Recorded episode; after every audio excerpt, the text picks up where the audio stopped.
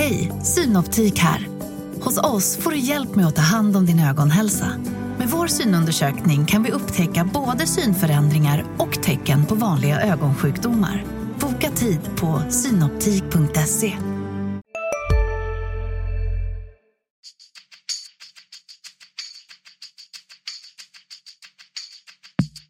Skönt att komma ut och eh, bara lukta gräset. Så det, är, det är fotboll för mig. Är jag här och jag är väldigt glad att eh, kunna spela för det laget som jag har närmast om hjärtat. Om å skape tro, om å tro på det vi gjør, jobbe videre. Og vi skal bare ut der, og så skal vi levere. Og det skal vi jo. Basta. Välkomna tillbaka till MFF-podden. Det här är avsnitt nummer 267. Jag heter Fredrik Hedenskog. Jag har sällskap av Max Wiman och Fredrik Lindstrand. Hej! Hej! Hej, hej. Fredrik ska bara, Bara svänga in sin mikrofon. Nu Han tänkte, annars får du, hade fått prata ur mungipan hela det behövs inte, jag är redo. Ehm, idag så ska vi prata om det som återstår av den allsvenska guldstriden. Ehm, för det var ju ändå så på måndagskvällen att det ett tag såg ut som att Malmö FF kanske skulle kunna bli eh, klara som svenska mästare 2021. Men eh, AIK chockade i fotbollsvärlden med att göra fyra mål i Borås. Eh, så därför så eh, blev det ingen färdig mästare. Eh, Men innan vi blickar framåt mot eh, allsvenskans sista omgång så eh, ska vi eh, prata om det den näst sista omgången och då i huvudsak Malmö FFs match eh, i Kalmar. MFF vann som bekant med 1-0 efter ett eh, sent mål av Jo Inge Berget. Och sett till eh, hela matchen så var det absolut ett rättvist resultat men det kunde också ha eh, slutat helt annorlunda för MFF. Eller hur Max? Det kan man väl säga. Det, det var, den matchen var väl som hela allsvenskan det här året, höll jag på att säga det också. Eh, det är klart att Malmö kunde lett med 3-0 i paus. Eh, först, det är väl kanske första straffmissen i allsvenskan i år som kommer när Antonio Colak eh, skjuter så att målvakten Hägg Johansson räddar. Eh, och sen har han ju, innan dess har han en nick i stolpen och han har ett skott över och han har ett, ett eh, slumpartat friläge där han chippar bollen men inte får den förbi målvakten. Så att eh, det, det kunde ju mycket väl stått eh, både 2 och 3-0 i paus. Sen händer ju någonting återigen som vi har sett flera gånger tidigare. Andra halvlek är betydligt sämre från Malmös sida. Jag sa inte att första halvlek var toppen men den var väl helt okej. Okay. och för mig råder det väl inga tvivel om vi ska tangera ämnet VAR igen att, att det hade utdömts en straff till Kalmar om det instrumentet hade varit användbart. Det, det är en hands på Moisander som definitivt börjar in i straffområdet. Och sen har de ju ett riktigt kanonskott i ribbans underkant och där, det, jag, jag kan hävda att det är en centimeter det rör sig om så går den bollen in. Det är inte mer därför att den, den är väldigt, väldigt nära. Så att det, det, det är ju på något sätt så det där med tur och otur kanske jämnar ut sig brukar man säga. Men den här, den här gången hade ju Malmö lite tur faktiskt att få med sig resultatet. Även om det till och med eh, Henrik Rydström tyckte att det i grunden var rättvist. Eh, vad, vad, vad tänkte du där i andra halvlek Fredrik? När det fortfarande stod 0-0 och eh, Kalmar hade tagit sig in i matchen på ett helt annat sätt än vad de gjorde, hade gjort i första halvlek. Ja, men det andades väl lite så Häcken tyckte jag där liksom MFF tappar initiativet igen. I en match där man mycket väl kunnat ha liksom slå spiken i kistan och det har väl varit ett återkommande problem under säsongen att och det är väl en, en kritik mot MFF som har ändå bestått ganska länge att man har svårt att, att liksom stöka undan matcher. Det blir ofta väldigt, det blir ofta väldigt spännande väldigt länge. Eh, och det är ju någonting att, att jobba med liksom. Och, och det har jag varit inne på förut också att man jämför med många andra större klubbar som har motsvarande ekonomiska och truppmässiga försprång i andra länder så har de oftast lättare att liksom avfärda sådana här matcher. Även om Kalmar borta som är sexa i serien, det är ju det är ingen lätt match på det viset. Liksom. Men samtidigt spelar ju Kalmar på ett sätt som är ändå in, in, inte MFF är direkt otrivs med.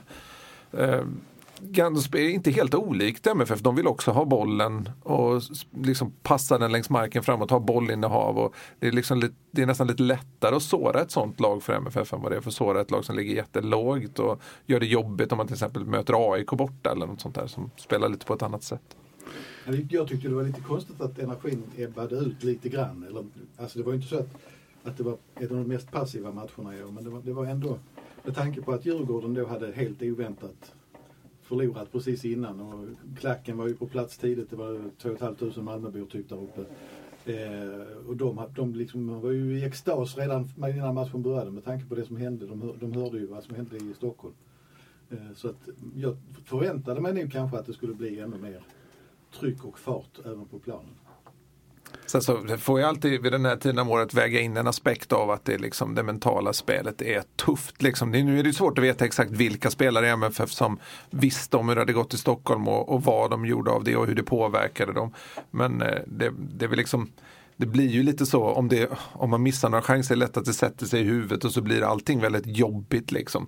Ehm, så det, det är ju därför liksom men, det visar sig ofta att MFF har den typen av spelare i laget som Jo Inge Berget som inte liksom Alltså när han blir inbytt så vet han vad han ska göra. Han har varit med så många gånger och gjort viktiga mål i, i, i viktiga matcher. Liksom. Alltså han, hela, hela hans prestation i det avgörande målet är ju är liksom kyla och, i kombination med att anstränga allt man har. Liksom. Det är häftigt att se. Ja, det är en vilja. Alltså, jag vet inte, när man var live tänkte man inte på det första gången. Men när man har sett tv-repriserna. Han börjar alltså den som en maxlöpning långt, långt ner på egen planhalva. Eh, och eh, trycker hela vägen ända upp. Eh, och, och ändå har, vad ska vi säga, han har inte spelat så länge men han har ändå liksom pulsen att hålla sig lugn och ta en touch och så peta in den. Det, det, det är ett klassmål faktiskt. Det ser så retfullt enkelt ut också för det är, han, målvakten står på fel ben och han avslutar i, ja, för målvakten då helt fel ögonblick men för sig själv helt rätt ögonblick där han Alltså han behöver egentligen bara stöta till bollen för en, enkel placering liksom. Men det blir ändå ett omöjligt avslut. Liksom. Det är förstås lätt när man, att bara liksom toffla iväg en sån boll. Och han väljer kanske lite oväntad fot också när han avslutar. Alltså det är lätt att bara skicka, skicka den hårt. Men istället sätta den lugnt och behärskat. Liksom.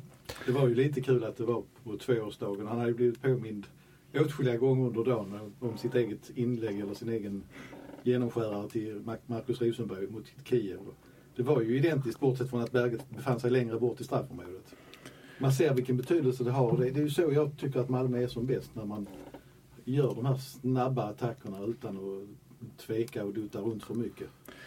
Alltså det var inte, det är inte bara, inte bara den eh, framspelningen till Rosenberg i Kiev-matchen utan det är ju, det är ju ett, en framspelning och ett inlägg som, som Jo Inge Berget har lite grann gjort till sitt signum i MFF. Ja. Slå det tidiga inlägget så att han får var på den mottagande sidan eh, kändes ju liksom eh, välförtjänt. Han hade jobbat upp det till det. Sen var det ett bra jobb av Lewicki och Rakip, det ska man inte glömma innan, som vinner bollen och, och vänder det här väldigt snabbt. Och, och som sagt just att, att Berget som befinner sig centralt långt ner i banan bara drar iväg. Och sen ska vi förstås inte glömma av Abubakari som ändå stått för två stycken helt avgörande inhopp nu på slutet. Det är liksom jag var ju varit inne lite tidigare på att MFF har fått lite för dålig utväxling av, eh, av sina nyförvärv under hösten. De hade det inledningsvis men nu har de ju börjat göra avtryck allihopa. Liksom. Penja är väl kanske inte riktigt så dominant som han varit innan men, men gör ju ändå en bra match liksom och, skänker ju lugn där. Framförallt när Anders Christiansen är, är, är fortsatt borta. Då, men, men just Abubakaris eh, spetsegenskap där, det är ett jättefint inlägg han slår. Och han tar ju också en jättebra löpning innan målet och gör sig spelbar. Och han vet ju precis vad han ska göra när MFF vinner bollen och sätter av. Liksom.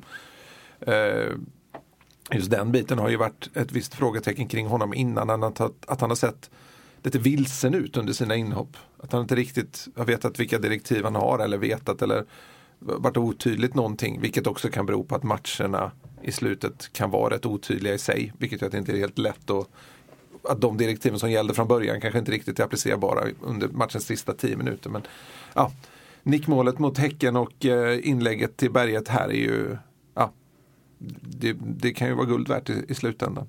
Sen så kan jag ju tycka att Kalmars back faktiskt ska kunna plocka undan det inlägget. Att han, att han inte bara förlänger bollen. Du skulle inte kunna göra det. Det var väl Emin Nouri som, som markerade berget där. Mm, jag tror det är Nouri där. Han ja. kanske var liksom helt uppe i sin eh, kommande avslut. avtackning. Ja. Jag ska, jag kan, jag ska få nämna två saker där. Så först, alltså det roliga var ju sen, ja, vi kan ta Nori först. Att, alltså, de hade ju bestämt sig att de skulle ha avtackning efteråt. Jag vet inte, jag stack ut huvudet från pressrummet och tittade och det, det var liksom typ 14 åskådare kvar. Det var ju kallt så in i bomben. Och det var ganska långt efteråt och Malmö hade firat länge så det blev en väldigt konstig avtackning. Sen förstår jag att de kunde inte köra det i paus kanske och sådär. Men det var lite konstigt. Men sen var det, det roliga var ju dagens andra maxlöpning i samma, samma situation. Om ni har sett Antonio Colaks rush från bänken där han inte ens har tagit på sig överdragskläder sen han blev utbytt. Eh, och det är klart att han kände ju att han hade bränt en del lägen. Men också är det hans, den här, han har ju en lagkänsla som jag beundrar faktiskt. Att han eh, inte sätter sig själv i centrum utan han, han, han markerar väldigt tydligt i många situationer att det är laget som är viktigt. Han var också oerhört noga med att ta den löpningen utanför plan. Ja, så att det kom in. Så att det inte blev något strul liksom. Men det var, det var en kraftfull eh, löpning. Det såg faktiskt härligt ut. Men det säger någonting också om Antonio Colaks, eh, som han är som person och som spelare på plan. Att han, eh, även om han inte gör mål i en match eller en framspelning i en match så jobbar han faktiskt hela tiden väldigt hårt för laget. Och jag, jag tycker också det säger någonting om hur han liksom ändå brinner för, för liksom själva kollektivet och så. Att han är, att han är en lagspelare. Det, är liksom, det finns ganska många eh, nummer nio anfallare som inte skulle gjort den typen av löpningar i ett sent avgörande. Det är liksom viktigt för honom att, att vinna SM-guld. Det, det betyder mycket. Sen har avdelningen sådana här lite udda detaljer som händer nu.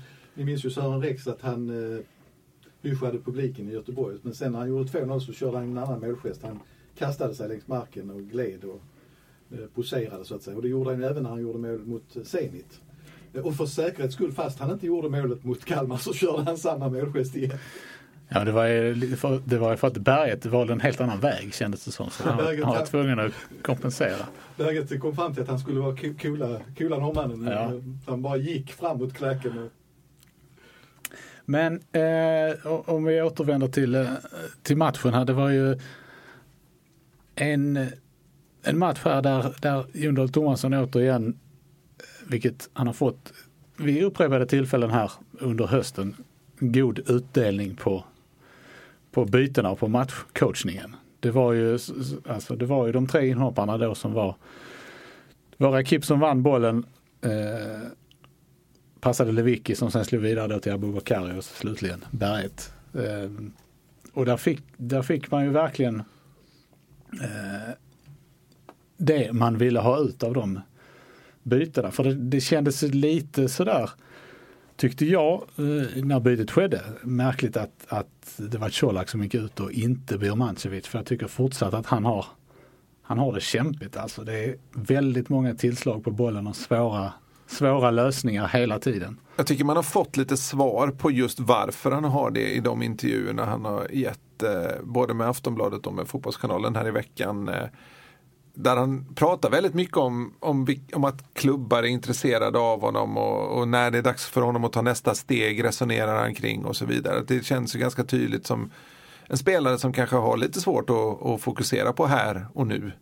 Eh, man kan ha de funderingarna, det är omöjligt att inte ha det förstås, men att liksom att, att vara så öppen med det och liksom nästan göra en sak av det, det, det, det gör liksom inte någon en tjänst egentligen.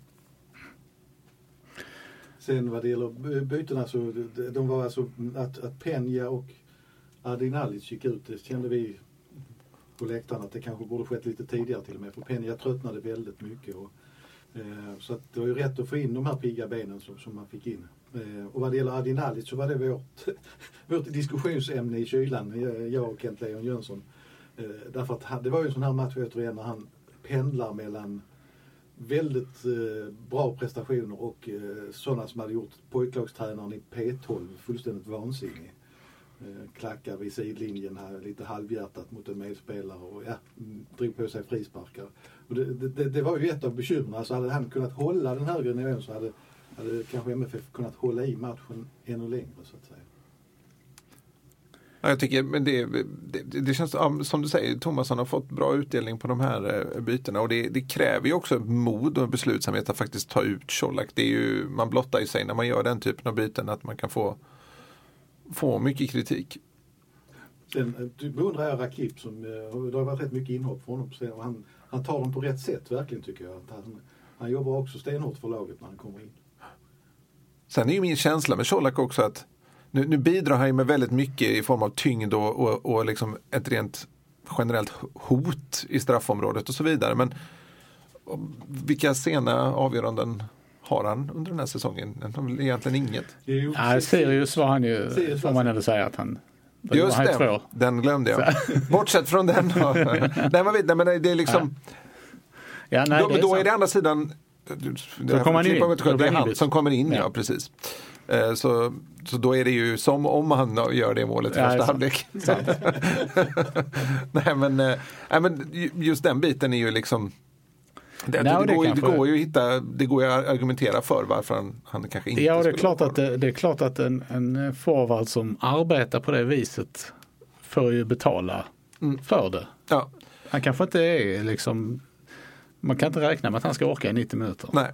Men, och, även, och så är det å ena sidan. Å andra sidan så är det alltså en anfallare som spelar det kroatiska landslaget och som klubben är beredda att slanta upp 30 miljoner för i vinter. Och, och att då i näst sista omgången när guldet står på spel byta ut honom. Det, det, det är ju djärvt alltså.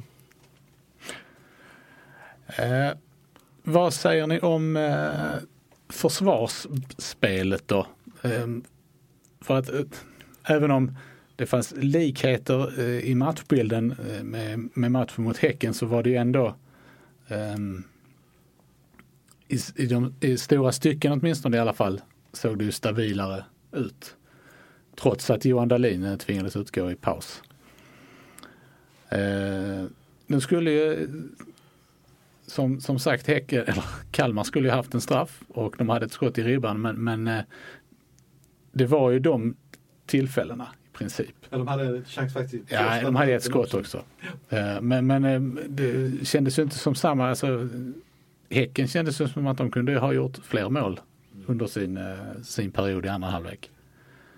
Nej men det var väl flera som gjorde stabilt. Lasse Nilsson var väl stabil igen. Eh, jag tyckte, vi tyckte att Niklas Moisander var återigen, alltså det, det, finns ju väldigt mycket i den mannen. Eh, väldigt trygghet i hans spel. Eh, som betyder mycket. Så att eh, det är väl som du säger, att i det stora hela så, och Oskar Lewicki stängde mycket från centralt mittfält. Ja, alltså um, vi, vi ska ju summera uh, säsongen vad det lider, men, men uh, om man nu tänker här på att alltså så mycket, så många matcher som Lewicki missade, hur mycket Anders Christiansen har varit skadad, hur trots allt lite Penja har kunnat spela sedan han blev klar. Eh, ja, Toivonens säsongslånga skada, inte att förglömma. Så det är ju det är ändå ett eh, Alltså det är ju verkligen eh, truppbyggaren Daniel Andersson har ju verkligen liksom fått eh, lön för mödan den här säsongen kan man säga. Eh, om man tittar på den andra matchen som var aktuell för guldstriden här, det vill säga AIK, eller Elfsborg-AIK, var det Ska vi inte eller, börja förlåt. med Djurgården-Varberg? Ja det kan om vi, vi göra. säga Absolut. någonting om den. Det var så länge sedan så att jag... Nej, men jag är bara fascinerad över att det gick alltså sex dagar mellan att Djurgården gick, ändå ledde borta mot IFK Norrköping och, och hade då faktiskt liksom fingrarna på pokalen i alla fall. Då, där kunde de ryckt till sig en ledning och det hade, det hade ju ändå gjort någonting annat inför, inför det som komma skulle, tror jag, liksom, att, att gå in med en vinst där. Men nu blir det som att de leder med 1-0, sen släpper de, så fyra mål senare så är, då är de borta från guldet.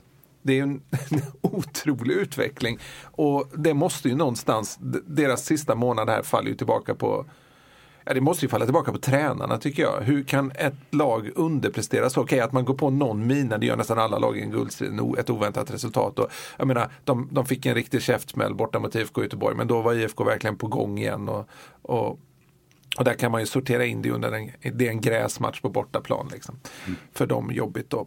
Eh, men annars, eh, där får, det får ju tränarna till stor del ta på sig att Djurgården klappar igenom. De har inte bytt ut spelare. De har, ja, de har, förlorat, de har förlorat den viktiga ytterbacken, eh, Vittry då förstås. Men det var ju sommar, det har ju funnits tid att korrigera det där. Eh, ja, en, en genomklappning som eh, Bergstrand och Lagerlöf eh, och framförallt Bergstrand då, som gillar det här auktoritära ledarskapet. eh, han, var han ju tydlig med inför säsongen. Eh, får ju liksom se sin roll i det här då förstås. Det, var ju ett väldigt märkligt scenario att, att, hade man sagt alltså att Djurgården skulle vara borta inför sista omgången. Det var det ingen som trodde, inte jag i alla fall. Eh, för de har ju känt som ändå det laget som, ja men om de inte var i förarsätet så var de väldigt nära där hela tiden. Eh, så att eh, det är ju anmärkningsvärt. Och de bränner en straff, de kommer tillbaka och när de kvitterar då fick man väl känslan av att ja, men nu löser de det här.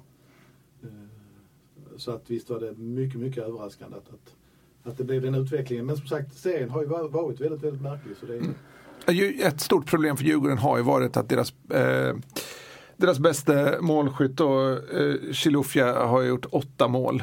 Om man jämför då när de vann guld 2019 då har de ju eh, Buya Turay som gör, nu kommer jag inte ens ihåg hur många mål han gjorde, men han vinner ju ändå skytteligan. Alltså det är, ju, det är ju en stor skillnad för dem och de får ju lida lite för att de inte har, har, har liksom gjort det problemet. Det känns lite som att de kanske har litat på att, att de trots allt ganska namnkunniga anfallarna där uppe, Azor och Hej, Ulf Kristersson här. På många sätt är det en mörk tid vi lever i. Men nu tar vi ett stort steg för att göra Sverige till en tryggare och säkrare plats. Sverige är nu medlem i Nato. En för alla, alla för en. Vi är specialister på det vi gör, precis som du. Därför försäkrar vi på Swedea bara småföretag, som ditt. För oss är små företag alltid större än stora och vår företagsförsäkring anpassar sig helt efter firmans förutsättningar. Gå in på swedea.se företag och jämför själv. Holmberg och Kujovic skulle, liksom, att skulle lossna lite för dem. De har inte gjort det. Eh, framförallt Emil Kujovic har ju varit direkt svag i sina inhopp. Man har sett deras matcher nu under hösten. Han har ju inte bidragit med någonting. Snarare har de ju tappat i slagstyrkan när han har kommit in. Men är det så att det här har varit en lite mer ska man säga, normal säsong? För jag minns att vi pratade 2019 om att om den säsongen hade spelats om tio gånger så hade inte Djurgården tagit guld igen. Då hade de ju marginalerna med sig konstant, i princip inga skador. Och för all del ett, ett bättre lag också än vad de mm. har, har nu. Men, men, eh, men det känns ju som att de har liksom levt lite och hoppats att de här marginalerna skulle vara på deras sida igen. Detsamma har ju lite grann drabbat Elfsborg här på slutet som ju knappt har någon backlinje kvar.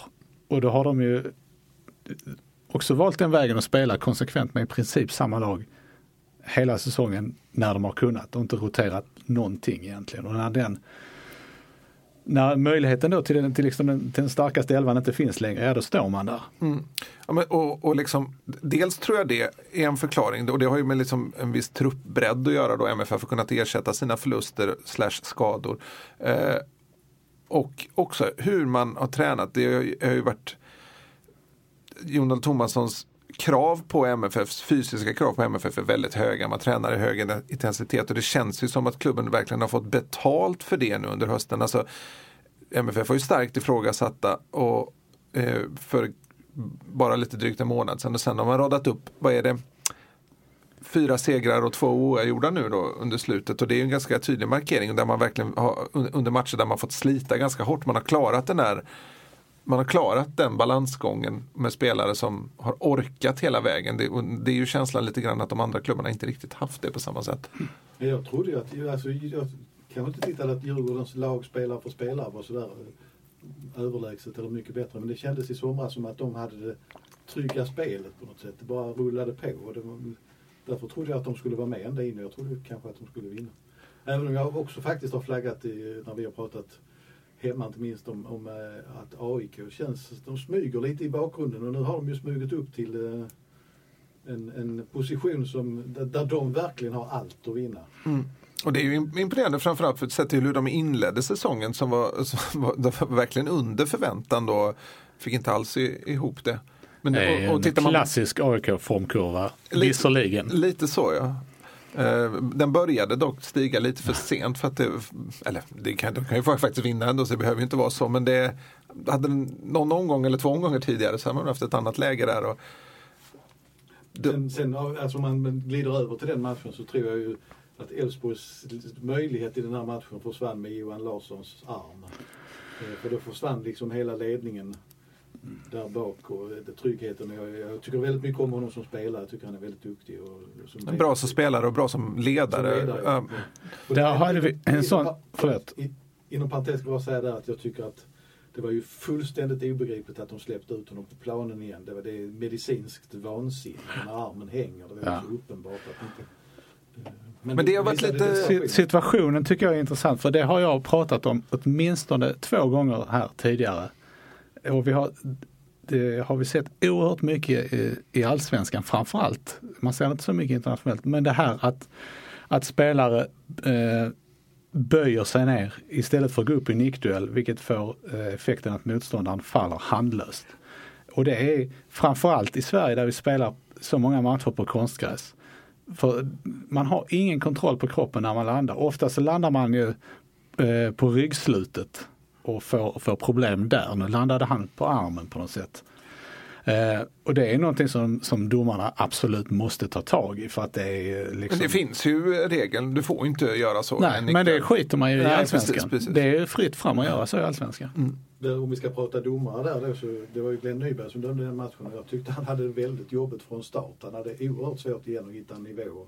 Det small alldeles för friskt några gånger. Eh, så att, det, eh, att han inte uppmärksammade den situationen heller, det, det, ja, på något sätt stämde det med matchbilden för jag tyckte inte att han fixade den. Ska man se till just eh, matchbilden där, apropå vilka som vinner, då, så känns det som att ett Elfsborg i somras hade vunnit den matchen. De hade orkat det och, var, och liksom innan de har blivit sålt spelare. Eller man- Eller vad kanske snarare skulle säga vår Elfsborg. För det, det kändes som att spelmässigt så hade de ändå hygglig kontroll på matchen inledningsvis. Men sen är det som att AIK orkar mer. De, de, och, det, och det tycker jag har varit fallet i flera matcher med Elfsborg. Att de, de står upp bra och spelar jättebra i början. Sen så orkar de inte hela vägen. Men, eh, men eh, för mig är ändå Elfsborgs säsong, de kan ju fortfarande nå en Europaplats. Eh, är ju en, en stor succé med små medel ändå. Eller relativt små medel. Men det känns som att det är en sund klubb. Så ihop med Kalmar är ju de, får de väl stå som utropstecknen i alla fall. Ja, med tanke på Djurgårdens eh, form här så finns det väl eh, de har ju samma de har ju samma målskillnad så att eh, om Djurgården inte vinner eh, borta mot Häcken eh, samtidigt som Elfsborg eh, vinner. Vem möter de nu då? De möter Örebro borta. Det känns ju överkomligt. Även om man är brandskattad i försvaret. Ja. Men det är väl så att eh, Djurgården måste ju ha tappat motivation otroligt inför avslutningen. Har du varit med i guldstrid fram till näst sista omgången så tror jag inte de kan mobilisera. De hade ju också ett lite konstigt fokus här inför det liksom och pratade om eh, arenaval i sista omgången. Eh, Där de fasade över att möjligen behöva spela på Nya Ullevi. Eller gamla. Nya var det va? Nya var det. Ja.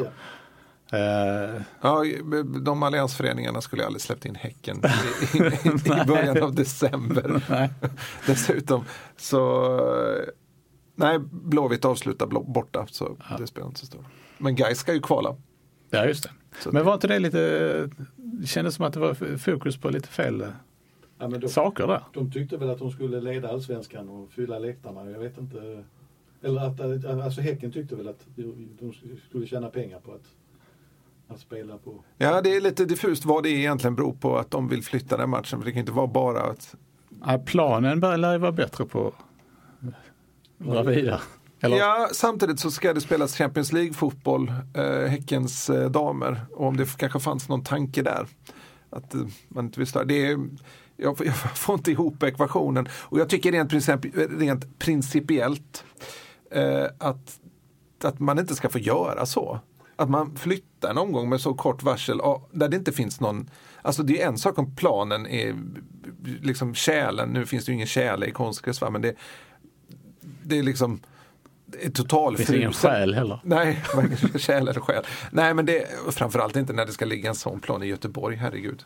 Du har ju liksom Gulfströmmen precis utanför typ. Ja, men nu är snö, snökaoset på väg. Så. Ja, det är bara salta. Nej, men det är, ju- jag håller ju bara med. Det är ju det är ju helt vansinnigt att, att man ska hålla på och byta av de här diffusa skälen. Som, Nej, det finns ju ingen vettig anledning. Det, det, det kan ju aldrig vara en anledning att bortalaget ska få ta in fler supportrar. Vad är det? För det är, ju, det är ju helt otroligt att Häcken, att man kan få ge upp en hemmaplansfördel. Ja. Och man undrar, så, Häck, det här hade ju Häcken aldrig gjort om de själva hade varit i Djurgårdens situation. Alltså det finns ju inte på kartan. Ska vi, ska vi spela den här matchen på Ullevi istället eh, och byta underlag för att vi kan få in lite mer publik? Alltså det, det, det, det, det, jag vet inte om man någonstans borde liksom regelstifta om det. Det, det känns ju som att det... ja, det borde Ja. faktiskt finnas. Jag, alltså, i någonstans i grunden tror jag det finns regler för detta. Därför att du har en hemmaarena och du har en reservarena. Och det finns säkert uppsatt regler Mm. för när den ska användas. Nej, men det, det, för där, där kan ju hamna i rena, liksom, alltså tänk om det var, nu finns ju den rivaliteten inte riktigt mellan Häcken och Blåvitt, men tänk om det, har varit, om det hade varit IFK Göteborg istället för Malmö FF som hade mött Halmstad hemma och lett allsvenskan. Jag vet, det kan låta helt osannolikt. Men, men vi Det fanns en tid. Ja, precis. Vi bollar med den tanken. Ja, men att Häcken då byter arena. Det, är, det existerar ju inte när det är en lokal rival. Liksom. Men det är som att ja, men det är ändå 35 eller 30 mil mellan Hisingen och, och Malmö. Så då, då, då, då är det lugnt. Liksom. Nej, det, det, det, blir, det, gör ju, det gör ju tyvärr scen lite till åtlöje när man gör så. Det blir liksom ett oseriöst skimmer över den typen av handlingar. Så det är bra att den matchen inte betyder någonting. Fast den betyder ju i och för sig någonting ur Europa-synpunkt. Den lär ju inte bli flyttad nu. Nej, det skulle ju vara, verkligen vara märkligt. Det var ju med så kort varsel också. Men om vi koncentrerar oss då på de matcherna som gäller någonting i guldstriden så är det alltså Malmö FF Halmstad och AIK Sirius. Eh, Sirius säkrade ju definitivt sitt kontrakt eh, genom eh, segern mot Örebro eh, på måndags kväll. Nej, förlåt. Häcken var det ju. Det var ju eh, Mjällby som mötte Örebro. Eh, detta Häcken som vi just har pratat om. Eh, Så att Sirius har ju ingenting att spela för. Det har ju därmed MFFs motståndare Halmstad som ju just nu inför den sista omgången ligger precis ovanför kvalplats på samma poäng som, som Degerfors. Degerfors möter då å andra sidan Östersund borta. Och det kändes som det, detta faktum att Halmstad har någonting att spela för. Om man tittade på Discoverys studio efter Elfsborg AIK igår så kändes det ungefär som att det var eh, 50-50 i, i guldchanser. Kanske nästan till och med lite fördel AIK. Man måste, ju, man måste sälja in det här till Stockholmspubliken. Ehm, där de, ja men det, det kändes verkligen som att, eh, men vad, hur, Max, vad, hur går dina tankar inför den här avslutande omgången? Nej, men jag tror att det är ett väldigt, väldigt tufft läge för Malmö faktiskt. Eh, eh, Alltså Halmstad släpper inte in mycket mål och de har gjort... De gör ju nästan inga Nej, mål. de gör heller. inga mål heller. Men, eh, Och gör de inte det så är det klart. Ja, om inte AIK vinner med 10-0. 11-0 tror jag de måste vinna i så fall. Nej men någonstans alltså så eh, ett scenario där Halmstad råkar få ett ledningsmål eh, kan sätta en omänsklig press på, på, eh, på Malmö, eller inte omänsklig, men en, press på Malmöspelarna som de får svårt att hantera. Jag tycker inte att det är givet. Jag eh, skulle väl inte säga 50-50. Det är klart att man måste, Malmö leder ju serien så det är klart att de har en fördel av det. Men, men det är ett tuffare läge än vad många tror. Jag tänker tillbaka när Malmö för ett antal år sedan hade Mjällby. Det är väl senaste gången man säkrade guldet på hemmaplan tror jag. I sista omgången. Det var 2010. Ja, Då hade Mjällby ingenting att spela för. Då, då, då vann Malmö tämligen enkelt och komfortabelt med 2-0. Men eh, det här är ju en helt annan... Alltså typ säkra guldet i sista omgången tänker du då? Ja, Mm. ja. Mm.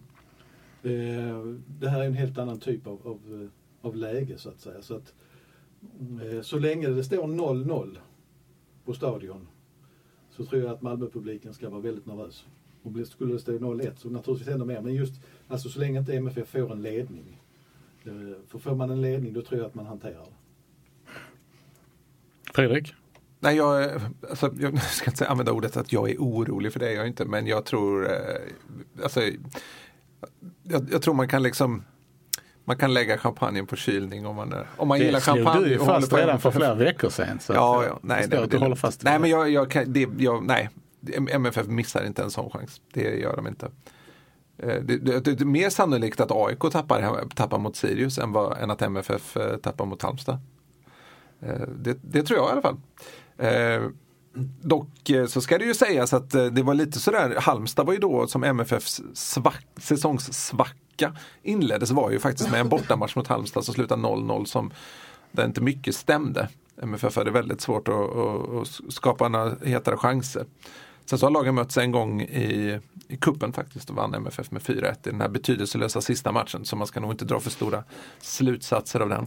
Alltså jag tror alltså är en fördel för Malmö, det är, alltså inte bara rent poängmässigt, det är ju just att, att man ändå börjar eh, på ett resultat som räcker om jag uttrycker det så.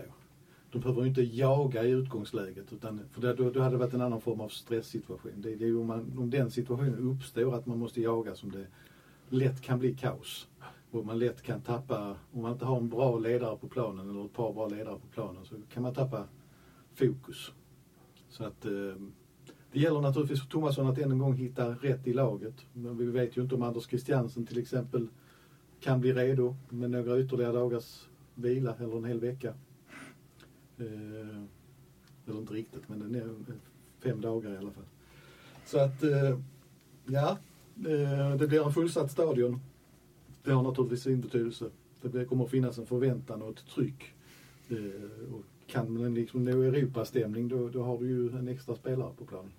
Jag tror också det gör att det, det är liksom den biten att stadion kommer, kommer ju verkligen koka i sista omgången. Och det kommer göra sitt förstås. 600 platser till Halmstad-supportrar såg jag här på var inne på Halmstads hemsida. Jag försökte spana loss ett träningsschema för dem. Eh, hur de lägger upp det. För det finns ju lite, eh, lite intresse i, i Halmstad. Där. Det, är ju, det är ju väldigt pikant att Marcus Antonsson eh, man trodde ju faktiskt kanske att säsongen var över för honom men det var någon slags ledbandsskada.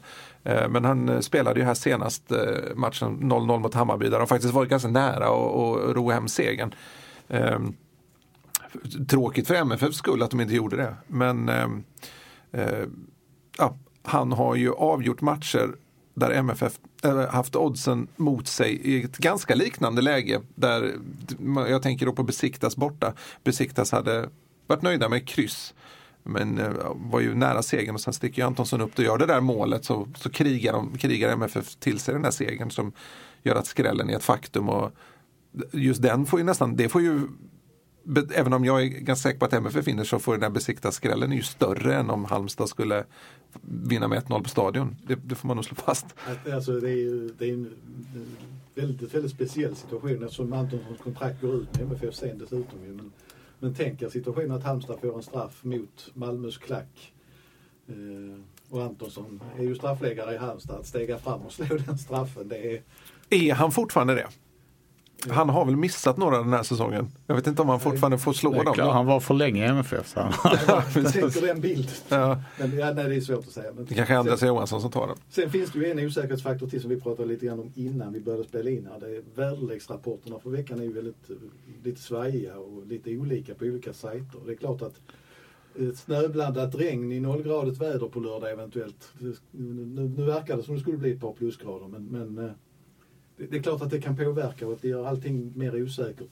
Planen är tung och inte i bästa skick.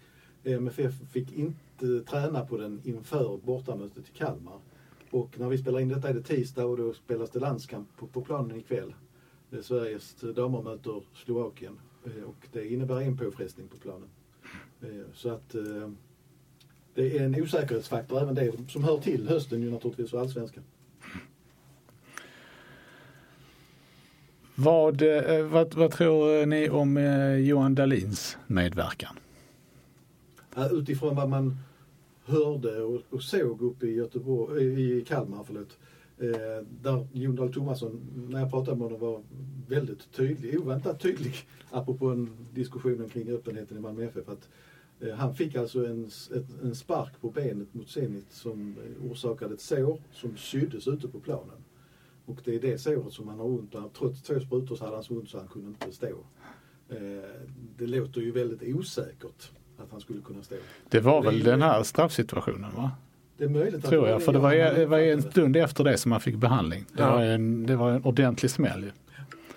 Eh, nej, och så att om man tittar liksom sen, eh, Ismail Diawara har ju fått hoppa in tre gånger och rätt ut det. Men eh, det, det är klart att det är en djävulsk press att behöva hoppa in i 14 minuten när Dahlin vinkar att han inte kan stå längre. Så det, är ju frågan hur man ska välja. Ja, det är ju också ett byte som är bortkastat, så är det ju inte. Men, men det är ett byte som man, som man helst vill slippa göra. Nej, nu kunde Det är bättre att göra det innan matchen. Nu kunde du göra det i pausen i Kalmar. Då räknas det ju inte in bland de andra bytena. Men, men annars är det ju en, det, det är ett vågspel där. Så att jag är mycket tveksam till om Johan faktiskt står.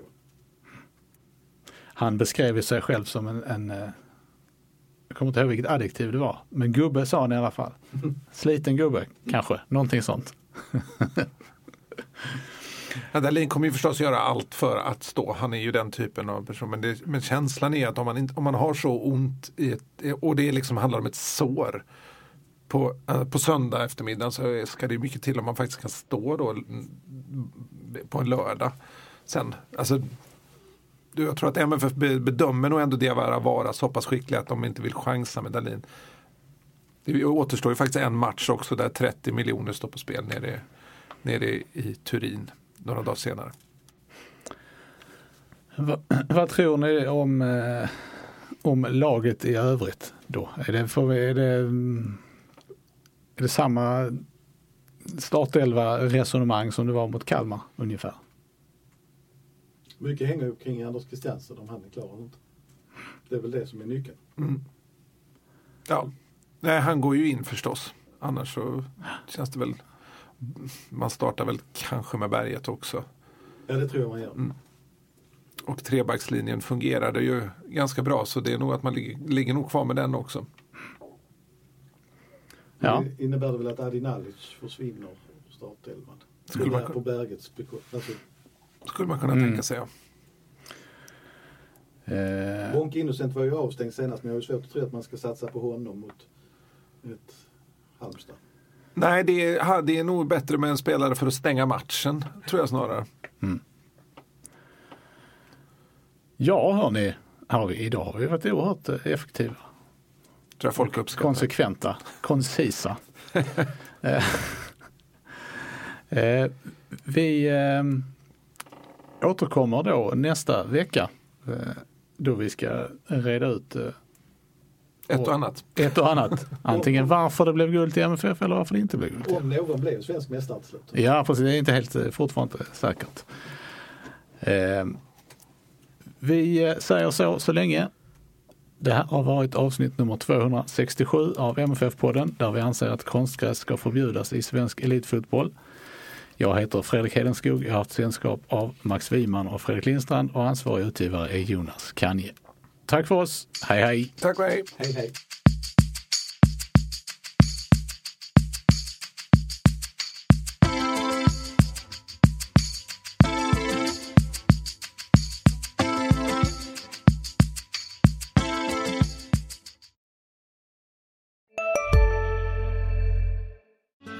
Susanne Axel här. När du gör som jag och listar dig på en av Krys vårdcentraler får du en fast läkarkontakt som kan din sjukdomshistoria.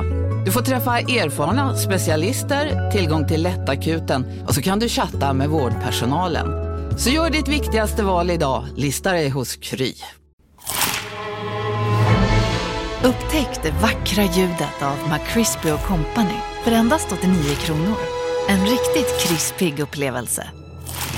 För ett ännu godare McDonalds.